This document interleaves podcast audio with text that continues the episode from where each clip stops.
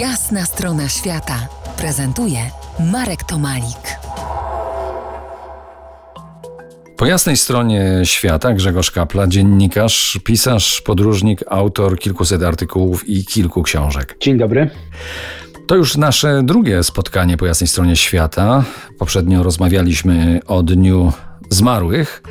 Dziś twoja chyba najnowsza książka Mekong przed końcem świata. Ale ten tytuł odnosi się chyba najbardziej do pandemii, bo to, co w książce opisujesz, zdarzyło się tuż przed y, wybuchem pandemii koronawirusa. Czy dobrze odnajduję ten tytuł?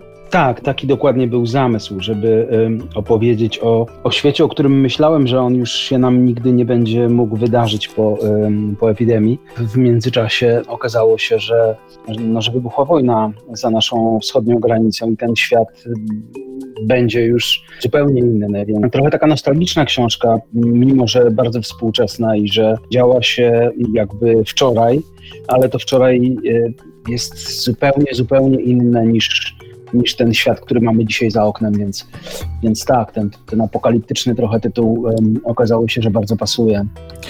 Jechałem nad Mekong po to, żeby zrozumieć świat, tak piszesz w swojej książce, y, w którym choć minęło kilka pokoleń, wojenne blizny wciąż wyłażą ludziom z rękawów. Rzeczywiście tak odebrałeś y, te wszystkie kraje nad Mekongiem? No Tajlandię w najmniejszym stopniu, bo Tajowie poradzili sobie historii tego końca kolonializmu najlepiej, tak? Oni potrafili wynegocjować sobie tylko protektorat, więc e, w najmniejszym stopniu byli dotknięci tym kataklizmem, który na początku czy w połowie XX wieku przetoczył się przez, e, przez pozostałe kraje, które Francuzi nazywali Indochinami. To bardzo krzywdzące dla nich, bo to zupełnie różne kultury, zupełnie różne e, kraje, zupełnie różni ludzie. Geograficznie my też, kiedy uczyliśmy się geografii, to nazywaliśmy te, ten fragment Azji Południowo-Wschodniej Indochinami. Tak, tak, pamiętam, e, pamiętam. E, w książce, y, a pewnie i poza nią, klasyfikujesz y, sam siebie jako włóczęgę. Mm, I muszę przyznać, że nie jest mi to zbyt bardzo dalekie.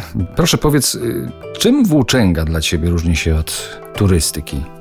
turysta mm, jest takim e, człowiekiem, który ma plan, to znaczy ma e, rezerwację, shuttle do hotelu, e, mógł przejrzeć w sieci.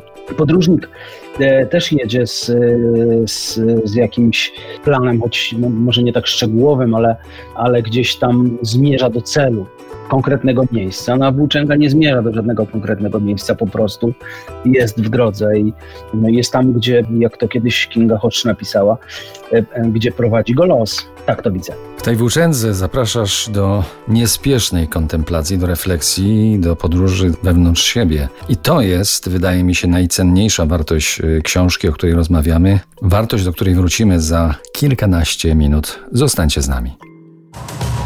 To jest jasna strona świata w RMS Classic.